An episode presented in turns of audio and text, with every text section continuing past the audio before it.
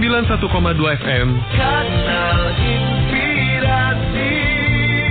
Pro 1 RRI Jakarta. Dan kini kita masuk ke sesi wawancara dengan narasumber ter- eh, terkait. Yang pertama ini dengan Kasubdit Gakum Ditlantas Polda Metro Jaya ada Bapak Kompol Fahri Siregar. Selamat pagi Pak Selamat Fahri. pagi Pak Fahri. Selamat pagi Mas, selamat pagi Mbak. Ya, Ya. Pak Fahri, tilang elektronik motor efektif sudah ber- diberlakukan per 1 Februari nih Pak ya. Dan penilangan ini diber- diberlakukan 3 Februari lalu. Ini bisa dijelaskan lebih dulu Pak, apa yang menjadi latar belakang diberlakukannya tilang elektronik tersebut Pak? Ya, jadi memang betul kita sudah lakukan penindakan. Yang biasanya terjadi perdebatan gitu kan, bahkan ada beberapa pelanggar yang melakukan perbuatan melawan petugas dan sebagainya gitu. Ya. Jadi kami melihat bahwa ini efektif dan efisien pada saat digunakan diimplementasikan bagi pengendara mobil. Makanya di tahun 2020 kita tingkatkan kapasitas fiturnya untuk bisa mendeteksi pelanggaran bagi pengendara sepeda motor. Iya. Apa yang sebenarnya menjadi goal dari kebijakan ini, Pak Fahri? Ya, goalnya pasti keamanan, keselamatan, ketertiban, kelancaran lalu lintas atau kita sebut safety ya. Pasti tujuannya adalah utamanya adalah safety. Menurunnya pelanggaran lalu lintas, menurunnya fatalitas korban, menurunnya jumlah kecelakaan lalu lintas itu tujuan utama. Tetapi tentunya upaya dilakukan dengan berbagai cara. Tidak hanya polisi, tidak hanya metode enforcement dengan menggunakan ETLE, tapi kita juga ada education, kita juga ada engineering, kita juga ada encouragement dan sebagainya gitu. Jadi memang ini merupakan subsistem dari bagian upaya metode Polri untuk melakukan penanggulangan terhadap uh, pelanggaran lalu lintas maupun kecelakaan lalu lintas. Ya, kalau jenis pelanggaran eh, apa saja Pak yang bisa ditangkap oleh kamera etle ini Pak? Ya, eh, kamera ETLE yang pengendara mobil itu sudah pernah kita rilis ya. Jadi untuk pengendara mobil itu safety belt, kawasan ganjil genap, menggunakan handphone, merobos lampu merah, termasuk juga melanggar marka. Mhm. Sedangkan untuk yang eh, sepeda motor, ini melintas jalur busway, termasuk jalur busway mobil juga bisa deteksi, juga tidak menggunakan helm, termasuk juga melanggar marka stop line, dan juga merobos lampu merah. Itu yang bisa kita deteksi. Iya. Ini di mana saja lokasi penempatan kamera etle, Pak Fahri? Ya, eh, kita saat ini setting 12 itu yang ada di sepanjang Sudirman Tamrin plus dua ada kamera di kita integrasikan dengan Transjakarta. Sebenarnya juga ada empat kamera yang jasa marga tapi ini masih tahap uji coba Mhm. dan juga nanti di akhir Maret kita akan eh, meresmikan kembali 45 kamera tambahan. Sekarang ini sedang proses instalasi, sudah Hmm. hampir selesai. Sekitar pertengahan Maret nanti kita akan resmikan kembali 45 tambahan. Jadi kamera kita ini saat ini ada 57 plus 2 yang di Transjakarta. 57 plus 2 ya. Kalau Ya. tadi eh, sempat kami mengundang pendengar untuk bisa memberikan opini, ada yang sempat memberikan eh, ini Pak, masukan. Ya. Mungkin bisa juga Ya. katanya di hampir di semua titik eh, lampu merah untuk dipasang Lebih etle-nya. banyak gitu maksudnya ya? Iya. Ya, Ah, betul. Jadi kami juga sudah berkoordinasi dengan baru saja saya ketemu Pak Kadis ya dari di Operasi Lintas Jaya. Mhm. dari Pemprov DKI pun melihat bahwa ini efektif gitu. Tadi pada saat Pak Sekda memberikan kata sambutan pada saat pembukaan operasi Lintas Jaya, beliau pun menyampaikan bahwa ini adalah salah satu modernisasi dalam penegakan hukum lalu lintas dan ini efektif. Jadi nanti tahun 2020, 2021 Mhm. kita juga akan dibantu oleh disuplai oleh pemerintah provinsi DKI lagi untuk pengembangan ETRI. Nah, ini nanti akan kita kembangkan tidak di jalur protokol saja, tetapi beberapa ruas jalan yang jadi masukan masyarakat ya, misalkan di Putat gitu ya, Eh, misalkan di beberapa daerah di Jakarta Utara gitu, yang pastinya itu juga terjadi pelanggaran lalu lintas termasuk juga banyaknya kecelakaan lalu lintas. Nah, nanti dengan jumlah ETRI yang sudah banyak, tentunya ini akan menjadi suatu terobosan kreatif yang bagus sekali untuk mencegah kecelakaan lalu lintas. Termasuk juga bisa mengetahui eh, informasi terkait mana ruas jalan mana yang terjadi kepadatan. Karena E3 ini tidak hanya enforcement, tapi juga traffic analysis, bisa memberikan data. Bahkan, kalau saya mau tahu historical dari suatu kendaraan, itu bisa mbak, misalkan nomor nomor eh, kendaraan mbak saya masukin ke data E3. Iya. Itu bisa ketahuan nih, misalkan mbak dari radio RRI menuju ke mana, ke rumah, dari balik rumah balik lagi ketahuan ini. Ya, Jadi E3 ini bisa menyajikan data, informasi kepada masyarakat. Mhm. baik. Pak Fahri Segedar mengingatkan ke pendengar kami juga, Pak tadi juga kebetulan ada yang Ya. eh, bertanya bahwa sebetulnya ini eh, dikenakan hanya untuk plat B saja atau semua plat eh, dikenakan, Pak?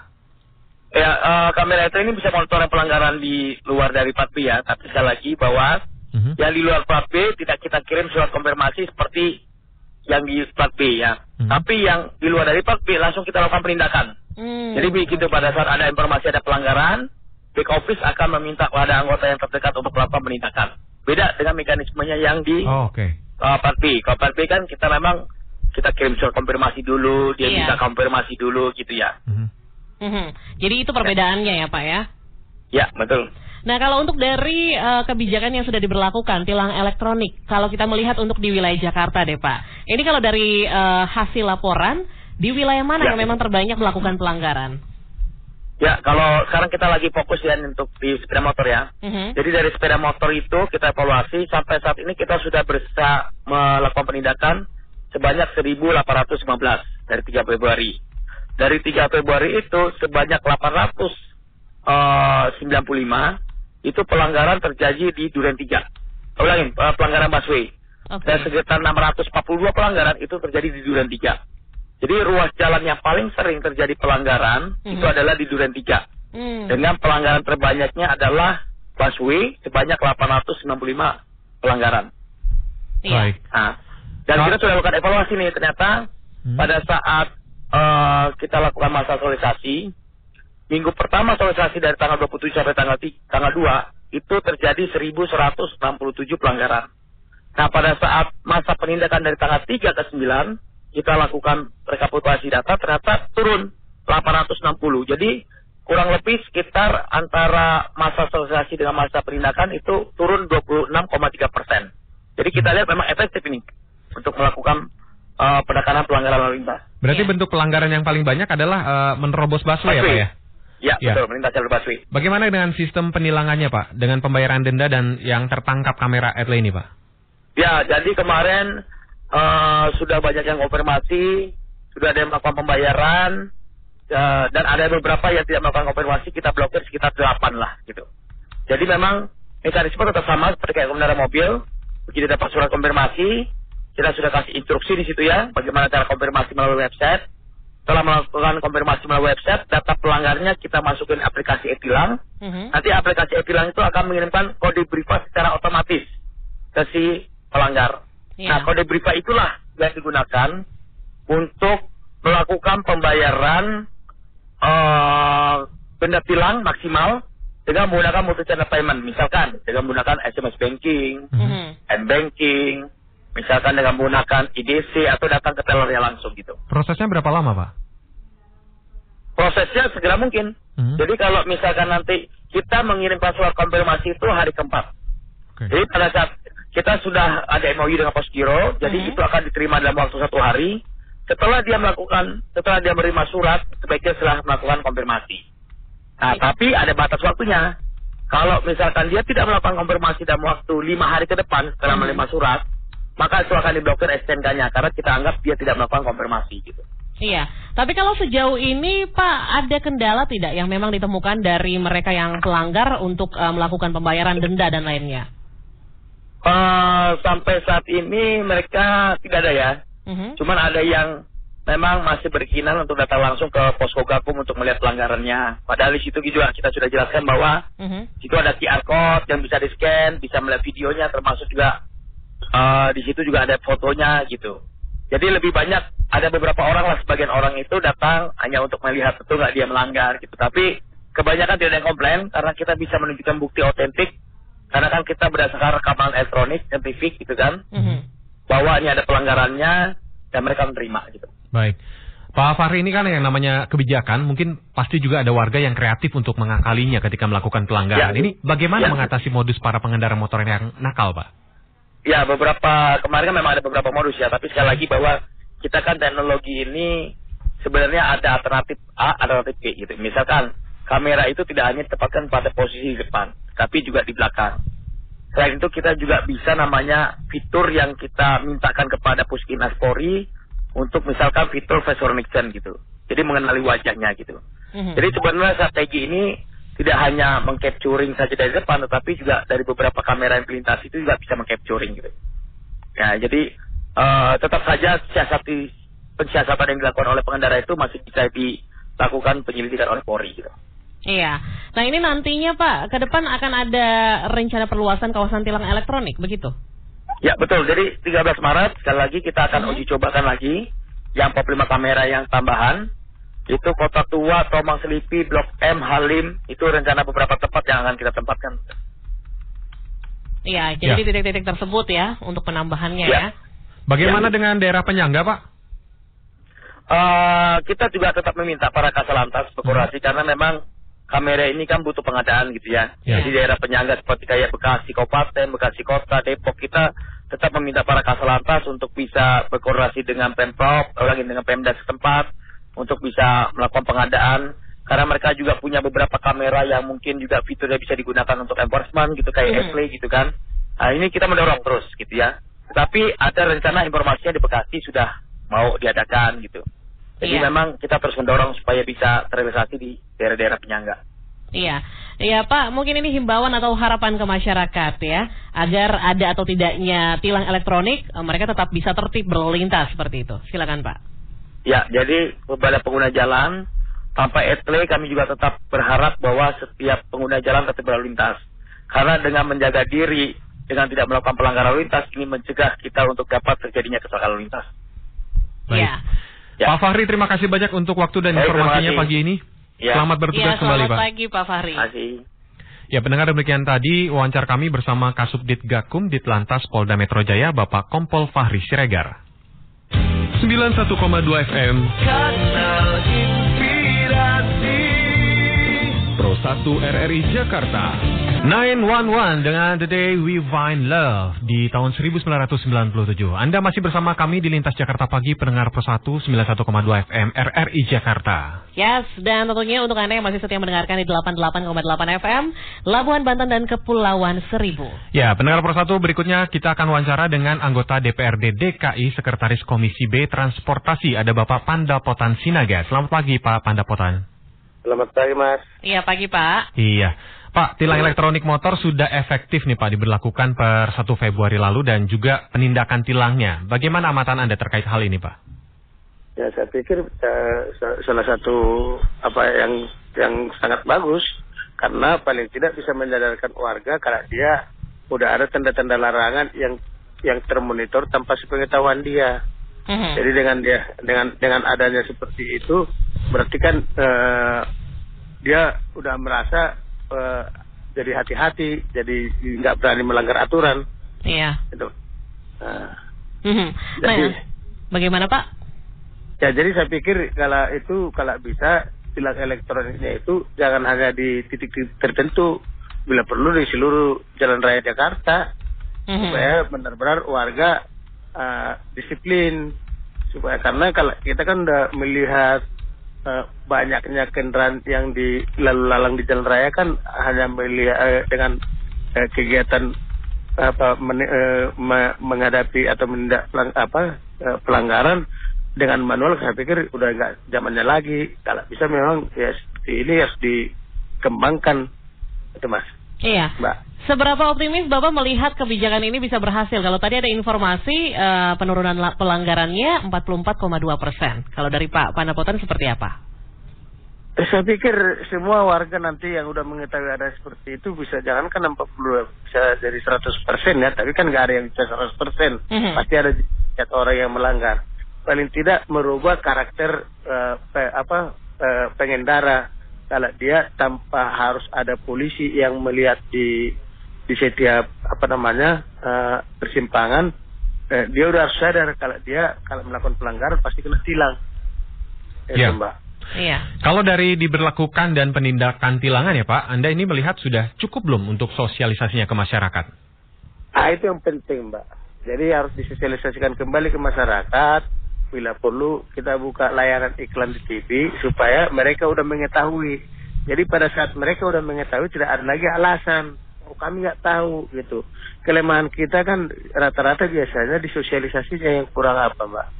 Eh, yang kurang kurang kurang banyak gitu, kurang Mhm. lancar. Jadi kalau disosialisasikan jadi nggak ada alasan lagi. Jadi kita kan ya maklum lah ini rakyat kita kan kadang-kadang eh, banyak tahu at- apa aturan-aturan tapi niatnya untuk melanggarnya mungkin terlalu ini kan. Itu yang perlu kita sadarkan warganya, Mbak. Iya. Kalau uh, dari Bapak sendiri ini ada pengalaman tidak Pak di lapangan mungkin secara langsung begitu dirasakan terkait mengenai kebijakan ini? Ada. Kemarin tuh dua tiga hari yang lalu aku naik gojek. Uh -huh. nah, terus naik motor da, sama staf saya. Aha. Mereka udah sadar, Pak. Ada tuh kita pengen buru-buru, kita pengen cepat, kita nggak sadar. Uh -huh. Dan saya eh buru-buru gitu. Jangan Pak, itu udah ada tanda tanda apa? Kamera Ya, etle. Iya, udah kamera klik. Ah, paling tidak kan aku langsung oh benar juga ini. Gitu, Mbak. Nah, jadi itu kan salah satu contoh Uh -huh. dan mudah-mudahan untuk semua warga mengetahui itu sehingga se- mendidik atau men- eh, menciptakan kesadaran warga untuk supaya tetap tertib dan patuh. Iya. Mhm. Gitu, Mbak. Pak, kalau uh, sampai dengan saat ini Pak sejauh mana nih pihak kepolisian ini sudah mengajak semua elemen masyarakat untuk uh, paling nggak dia aware gitu dengan adanya etle ini Pak? Eh, seperti yang saya bilang katakan tadi, bila perlu disosialisasikan dengan segencar-gencarnya apakah melalui radio seperti ini atau melalui TV, ya, supaya warga semua tahu. Supaya paling tidak kan ya merubah karakter yang punya niatan untuk melanggar karena menganggap nggak ada yang mengawasi Mhm. bisa eh, bisa ter apa ter eh, terlihat gitu terkontrol sehingga warga udah mulai sadar benar-benar dia sadar untuk tanpa ada polisi pun di persimpangan dia akan kena tilang kalau melakukan pelanggaran Iya. itu yang penting itu yang perlu memang sangat disosialisasi gencar-gencarnya nah, nanti setelah masa sosialisasi ini orang udah warga ini kan udah tinggal tenang kita mbak Mhm. Tapi kalau sejauh ini Bapak melihat apakah memang eh, masyarakat begitu ya sudah sesuai dengan budaya tertib lalu lintas? Justru itu karena budaya kita ini yang kurang tertib lalu lintas, makanya kita harapkan dengan adanya sosialisasi itu kan mulai sadar. Mhm. Karena eh, seperti se- seperti yang saya katakan, ini kan banyak kendaraan yang apa lalu lalang, dan ini kan bagian dari pendidikan juga kepada warga. Mhm. Paling tidak eh, secara sosial kan mendidik warga kita udah harus ter, eh, apa namanya, eh, udah harus wanti-wanti terhadap pelanggaran. Jadi aturan-aturan yang ada itu supaya benar-benar ditaati, bukan aturan-aturan untuk dilanggar seperti yang katakan dari awal. Itu Mhm. mbak. Ya. Kalau udah ada beban, beban akibat ketindakannya, akibat pelanggarannya, kan akan akan akan menjadi hati-hati dan tidak akan mau melakukan pelanggaran. Mhm. Ya, kemudian apakah uh, etle ini juga bakal memberikan pengaruh secara tidak langsung terhadap pendapatan daerah yang nantinya juga bisa dimanfaatkan ke mana gitu Pak? Ya, itu mungkin salah satu sisi untuk mendapatkan pendapatan. Tapi jangan, jangan karena eh, yang kita kejar kan bukan urusan pendapatannya. Paling Mhm. tidak kan yang kita kejar adalah pendidikan terhadap warga supaya menghindari pelanggaran. Itu yang paling utama. Mhm. Paling tidak membangun karakter seperti yang saya katakan tadi kan karakter kita untuk melanggar itu karena nggak ada yang mengawasi kan udah terlalu banyak, udah Iya. terlalu dalam. Jadi ini yang mau kita rubah. Paling tidak kan dari hal-hal kecil seperti ini yang mudah-mudahan ini ini bisa ter apa sama semua warga sehingga apa yang saya katakan tadi yang penting sosialisasi untuk hal-hal tersebut dijalankan supaya jangan ada warga merasa tidak tahu itu mbak Ya. Mhm. Kalau dari eh, sampai sejauh ini Pak, mungkin ada nggak dorongan yang memang dari eh, DPR DKI terkait mengenai pengadaan untuk eh, kamera atlet? Tadi juga ada masukan-masukan dari pendengar ya yang kami terima berharap agar hampir di semua titik untuk diberikan kamera atlet seperti itu. Ya, ya nanti akan kita dorong, Mbak. Kalau misalnya Mhm. itu nanti ada pembahasan di angka di Banggar, ada pengadaan untuk kepada eh, dinas terkait untuk anggaran tersebut, kita akan dorong. Mhm. Kita akan, eh, saya salah satu yang paling apa mendorongnya supaya benar-benar eh, di semua apa namanya eh, persimpangan jalan eh, kamera elektrik itu ada. Jadi supaya eh, jangan hanya di di titik-titik tertentu yang mengetahui nanti titik tertentu di, akhirnya di tempat lain ah udah nggak ada gitu. Jadi jangan ada persepsi seperti itu. Baik. Iya. Eh, Ya. Karena kebetulan ya situasi warga kita kan seperti itu, Pak. Ya. Kalau secara keseluruhan Pak, apa yang perlu dilakukan untuk mendukung kesiapan SDM dan infrastrukturnya Pak? Ya. Eh, kan yang lebih paham dan tentang teknis itu semua kan ada dinas terkait. Mhm. Makanya dinas terkait nanti waktu pengajuan anggarannya benar-benar program ini benar-benar udah udah ter ter apa namanya terprogram dengan baik sehingga pada saat pembahasan di Banggar tidak ada per, eh, permasalahan atau persoalan peta- atau pertanyaan-pertanyaan teman-teman anggota dewan ini untuk apa pemborosan atau apa jangan sampai seperti itu yang keluar epanya Baik. kalau kita anggarkan dengan baik kita udah ini kan dengan baik kan semua teman-teman anggota dewan kan pasti paham jadi bukan merupakan suatu bagian pemborosan Ya. malah nanti kalau misalnya ini ya seperti yang saya katakan itu kan bukan mau mencari pendapatannya akibat tilangnya itu kita Mhm. tapi paling tidak bagaimana membangun karakter eh, warga kita untuk menghindari pelanggaran itu karena kalau kita hanya mengandalkan untuk menjaga setiap persimpangan jalan dengan kemampuan eh, aparat itu kan masih manual mbak Ya. Iya. tidak mungkin ya jadi sementara nanti aparat itu sementara kan kita butuh aparat itu bertugas di tempat lain yang supaya lebih efektif dan Ya. efisien mbak Baik. Iya. Terima kasih Pak Pandapotan untuk waktu dan informasinya, Pak. oke mbak Ya, Iya, selamat pagi. Pak. saya, saya ibu Ya, pendengar demikian tadi wawancara kami bersama anggota DPRD DKI Sekretaris Komisi B yang membidangi transportasi, Bapak Pandapotan Sinaga. 91,2 FM Kanal 101 RRI Jakarta. Kembali kami akan uh, wawancara dengan narasumber. Kali mhm. ini dengan pengamat transportasi ada Bapak Darmaning Tias. Selamat pagi Pak Darmaning Tias. Iya, selamat pagi Pak. Iya, selamat pagi Pak. dan Linda. Iya. iya. Pak, kalau dari beberapa ini sedang di stasiun jadi suaranya mungkin agak berisik ya. Oh, oh, iya, siap, baik, siap. Pak bisa dimaklumi. Tapi suara ya. kami jelas ya. Pak ya? Iya. Baik. Eh, Pak Dharma ini dari beberapa Ya. narasumber yang sudah kami wawancarai sebelumnya tersirat bahwa penerapan sistem tilang elektronik motor ini untuk sepeda motor adalah langkah efektif dan memiliki nilai difference eh, efek yang cukup Iya. tinggi. Bagaimana eh, kalau dari amatan Anda, Pak? Ya, saya termasuk orang yang setuju supaya ada eh, penindakan tegas terhadap kendaraan bermotor karena dan mengganggu keselamatan pengguna jalan yang lain. Terus, terutama mereka ini kan suka lawan arus. Jadi kalau nggak ada penindakan, ya seperti ada pembiaran aja, gitu. Mhm.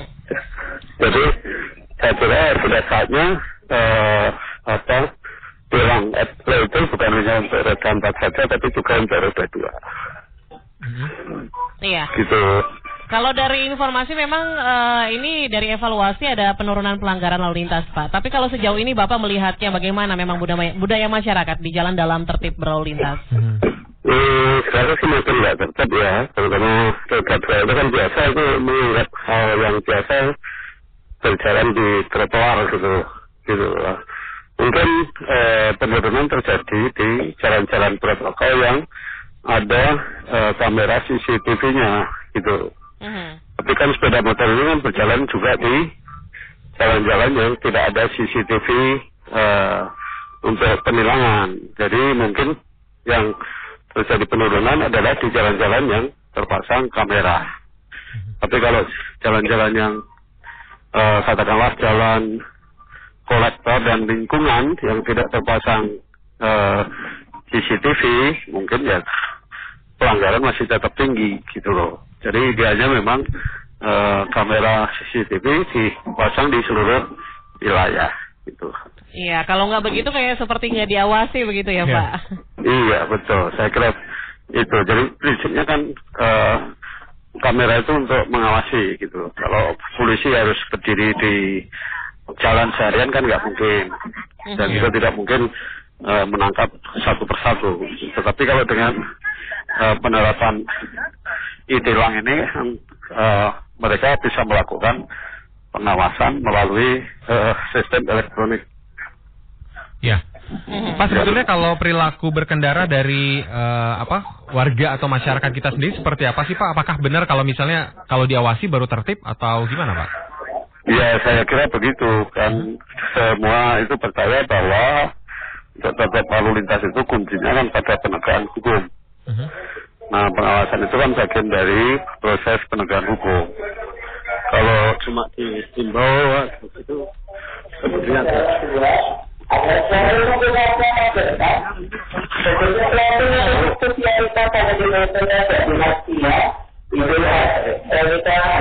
Ya. Di dalam Baik, kami masih bersama narasumber kami karena memang eh, sedang berada di stasiun ya Iya. Pak ya, Aha, sehingga ada suara yang memang cukup eh, keras. Tapi tidak apa-apa Pak, kami masih akan menunggu untuk bisa menyampaikan. Ah. Ya. Bagaimana Pak? Silakan. Oke, ya jadi prinsipnya masyarakat itu memang harus diawasi. Aw- Pengawasan itu bagian dari penegakan hukum. Ya. Yo, Kalau nggak ada pengawasan, saya kira eh, sulit mereka untuk tertib gitu. Itu kan terbukti Mhm. di mana tidak ada petugas, berarti tidak ada yang mengawasi. Perilaku mereka sangat tidak tertib. Ya. Kira-kira begitu. Kalau dari sisi infrastruktur, dari sistem tilang elektronik motor ini apa yang masih harus dikaji ulang Pak? Ya masalahnya tadi saya katakan eh, kamera itu baru dipasang di jalan-jalan protokol.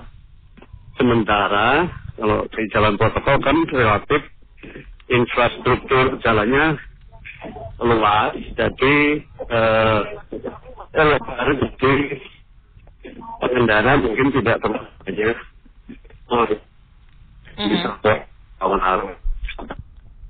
Ya, sepertinya kita terganggu sambungannya Iya, dengan Pak Dharma. sinyal dengan ya tadi. Sempat terputus-putus tapi kami coba untuk eh, menghubungi kembali ya. Ya, dengan pengamat transportasi Bapak Darmaning Tias kalau disampaikan tadi memang Mhm. pengawasan itu perlu. Ini sebagai salah satu proses untuk penegakan hukum gitu ya. Iya, karena ya kembali lagi ya. Kalau budaya tertib ini kembali ke pribadi masing-masing ya. Benar. Kan eh, tadi kalau bicara soal kamera, ya juga kalau misalnya kita merasa ah tidak ada kamera ETLS, ya udah terobos aja gitu kan.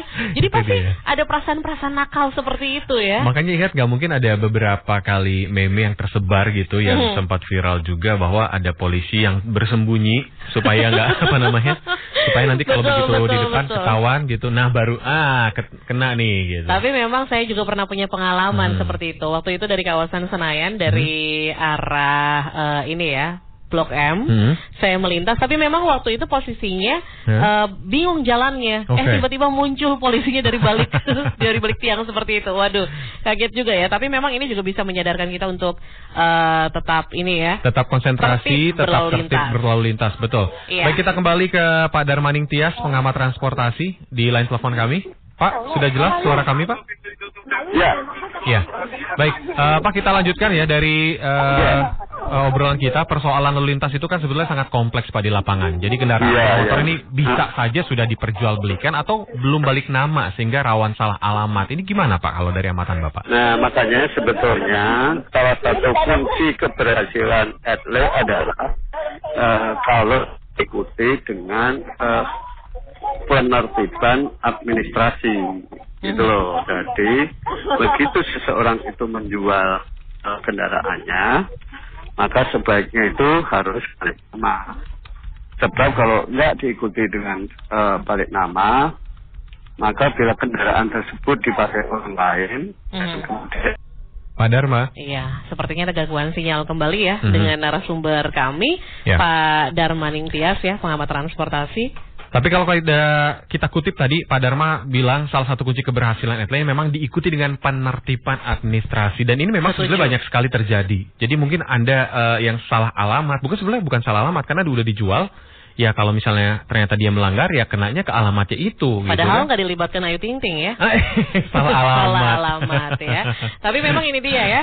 eh, setuju sekali. Makanya kalau misalnya ada kejadian ternyata pas dikirim, loh tiba-tiba ini kan Hmm. saya nggak merasa eh, ini atau mungkin orang yang lain justru menerima karena eh, belum balik nama seperti itu. Takutnya kan Mhm. kalau penjual dan pembeli kadang-kadang suka nggak tahu karena yang jual siapa, yang beli siapa kan Iya. kadang-kadang kita nggak mengenali gitu ya. Nah ini yang kadang-kadang, aduh ini siapa nih akhirnya eh, ribut di situ doang gara-gara nggak balik nama gitu ya. Itu dia. Kami masih coba untuk menghubungi kembali ya narasumber kami. Mudah-mudahan nanti bisa tersambung kembali untuk Hmm. melanjutkan pembicaraan terkait mengenai topik hari ini tilang elektronik kendaraan bermotor.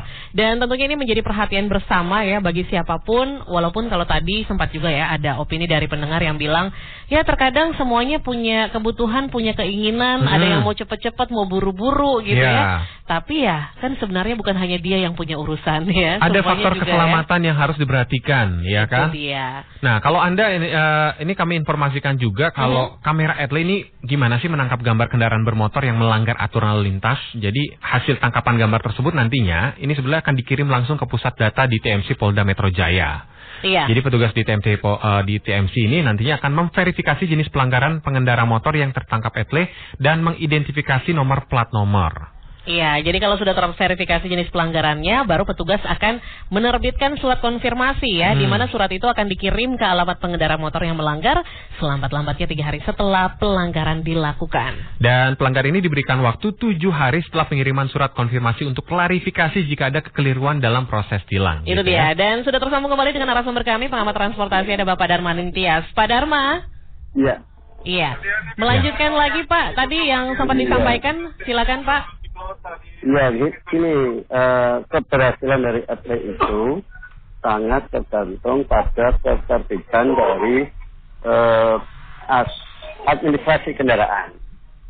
Itu, jadi idealnya bagi setiap orang yang menjual kendaraan itu sebaiknya langsung diikuti dengan proses Balik nama, balik ya? nama. Mhm. Ah, karena kalau tidak, terus nanti kendaraannya itu dipakai orang dan melanggar, dipakai yang membeli, yang akan terkena atau menerima surat perintah dari polisi itu bukan yang memakai, tapi pemilik kendaraan lama.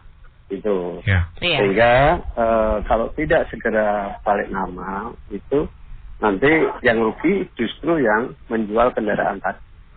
Kira-kira Iya. itulah kebiasaan masyarakat kita justru balik nama itu belakangan gitu loh. Jadi santai-santai saja gitu. Nah, itu Mhm. menurut saya eh, keliru.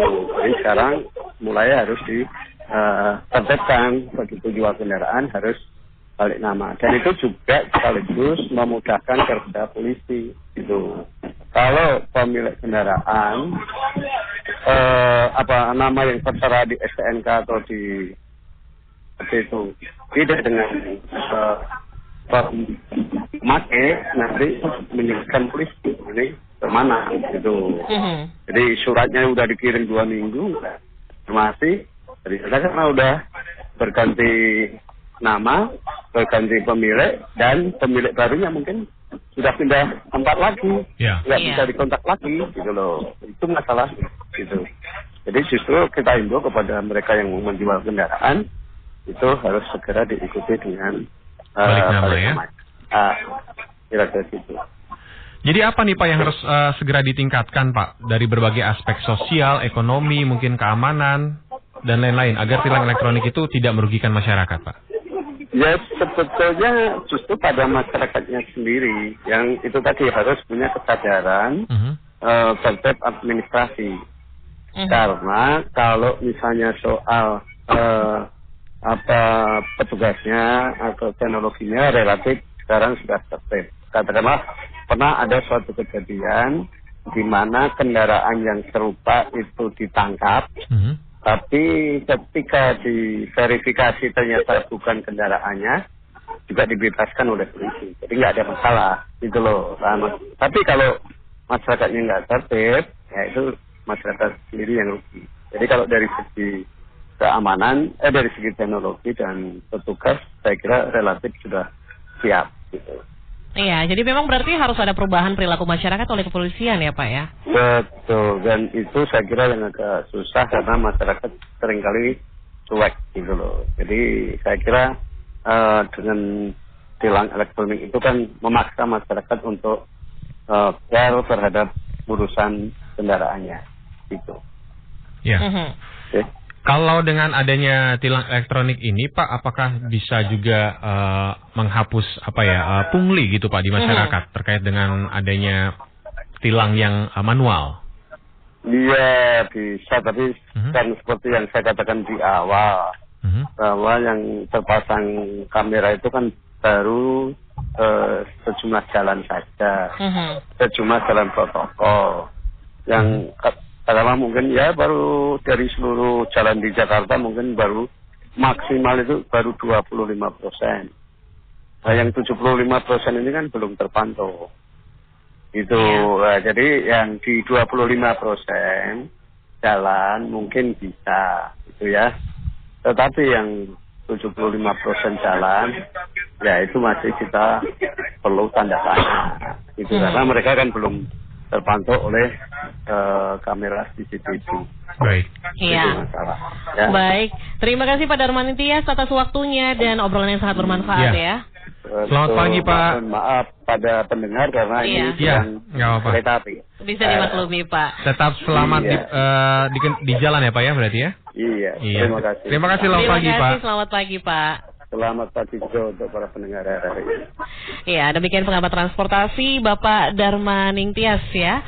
Dan tentunya tadi apa yang sempat disampaikan ini mudah-mudahan eh, bisa menjadi sebagai apa ya mengingatkan kembali Mengingatkan, betul. tentunya ya kepada masyarakat untuk lebih tertib berlalu lintas karena kalau pesan nih biasanya yang saya lihat dari TMC Mhm. ingat ada keluarga yang menunggu Menanti dan di rumah. menanti di rumah Itu dia. ya. Oke, tadi kita sudah informasikan bahwa pelanggar diberikan waktu tujuh hari setelah pengiriman surat konfirmasi untuk klarifikasi jika ada kekeliruan dalam proses tilang ya. Mhm. Ini artinya klarifikasi dari pemilik kendaraan dapat dilakukan melalui situs juga di webnya di http uh, slash www.atle garis uh, apa nih garis Strip tmj ya. strip ya Aha. dot info atau melalui aplikasi yang nantinya dapat diunduh melalui Play Store atau mengirimkan kembali belangko konfirmasi yang telah diisi kepada kepolisian. Iya, jadi pemilik kendaraan ini bisa mengklarifikasi kalau saat itu kendaraannya dikendarai orang lain Mhm. atau kendaraan itu memang sudah bukan lagi miliknya, tapi belum dilakukan balik nama oleh pemilik yang baru. Makanya tadi, tadi Pak Darmaning Tias bilang lebih baik kalau misalnya kita eh, sudah beralih tangan, itunya Hmm. harus harus kepemilikannya harus diubah ya dengan Iya. pemilikan baru. Jadi setelah diklarifikasi, pelanggar mendapatkan surat tilang biru sebagai bukti pelanggaran serta kode BRI virtual sebagai kode virtual pembayaran melalui eh, bank terkait ya, di mana pembayaran bisa dilakukan lewat bank atau mengikuti sidang sesuai dengan jadwal yang ditentukan. Iya, dan tentunya ini masih melanjutkan dengan obrolan kami di line telepon saat ini sudah terhubung dengan komunitas salah satu moda transportasi Jakarta. Ada Bang Fahmi atau Zulfahmi Ramli. Pagi Bang Fahmi. Selamat pagi Mas Bam, selamat Iya. pagi Mbak Binda. Selamat pagi. Selamat pagi pendengar RRI Pro 2 seluruh Indonesia. Iya. Bang Fahmi sudah tahu dong ada Etle ya. yang Bersama sudah diterapkan Pro 1 ya. Iya bersama Pro 1 betul. Iya. Bang Fahmi, sudah. ya sudah Ya. tahu ya. Ini eh, kalau dari Bang Fahmi sendiri sebetulnya gimana nih tanggapannya dulu deh dengan dipasangnya Etle? Eh, kalau saya adanya Electronic Traffic Law Enforcement atau ETLE ini sangat positif. Satu, itu bisa eh, mereduksi pelanggaran lalu lintas di jalan raya. Jadi membuat jalan itu tempat aman dan nyaman untuk semua orang. Kedua, bisa mereduksi atau mengurangi pungutan liar yang selama ini mungkin pernah terjadi oleh oknum petugas di jalanan. Mhm. Terus yang ketiga yang paling penting menurut saya dengan adanya electronic traffic law enforcement ini kan itu kameranya bisa menangkap uh, identitas plat kendaraan. Jadi kalau ada pelaku kejahatan itu mungkin polisi bisa semakin mudah mengidentifikasi dan untuk mencari para pelaku kejahatan yang beredar di jalan raya tersebut. Mhm. Kalau sejauh ini eh, dari pandangan eh, Bang Fahmi melihatlah budaya tertib berlalu lintas. Nah ini dari teman-teman komunitas tentu kan biasanya menjadi sorotan ya. Seperti apa? Ya. Eh, jujur saja bukannya mau merendahkan ketertiban dan disiplin bangsa kita. Memang kalau untuk Jakarta khususnya disiplin berlalu lintas itu masih amat sangat kurang. Semua orang ingin serba cepat, semua orang ingin serba mendahului, tapi kadang-kadang melupakan rambu-rambu marka lalu lintas sehingga membahayakan keselamatan pengendara yang lain. Tapi kalau dari teman-teman sendiri sebetulnya eh, suka saling mengingatkan gak sih Mas? Kalau misalnya ada, oh ini ada Etle nih, nanti kayak misalnya sosialisasi bareng atau mungkin saling mengingatkan, ayolah jangan eh, apa berperilaku Melanggar begitu eh, ya. melanggar perilaku berkendaranya harus lebih baik gitu. Iya, iya, kita selalu uh, berkomunikasi, mensosialisasikan semua peraturan yang baru. Mhm. Atau juga kita komunikasi uh, dua arah kepada pihak kepolisian, terutama Dirlantas Polda Metro Jaya, jika ada peraturan yang menurut kita uh, perlu didiskusikan kembali uh, penggunaan atau pemakaiannya. Mhm. Kalau dari Kalau- sistem, ah, gimana? kalau untuk electronic traffic law enforcement ini kita sangat mendukung sekali. Cuma mungkin harus lebih diperbanyak sosialisasinya di masyarakat karena mungkin ada sebagian masyarakat yang masih tidak menyadari bahwa sudah ada sistem ini. Misalnya bagaimana cara kerjanya, bahwa itu bisa dilihat di aplikasi Waze atau uh, apa saja jenis pelanggarannya. 91,2 FM Kanal Inspirasi Pro 1 RRI Jakarta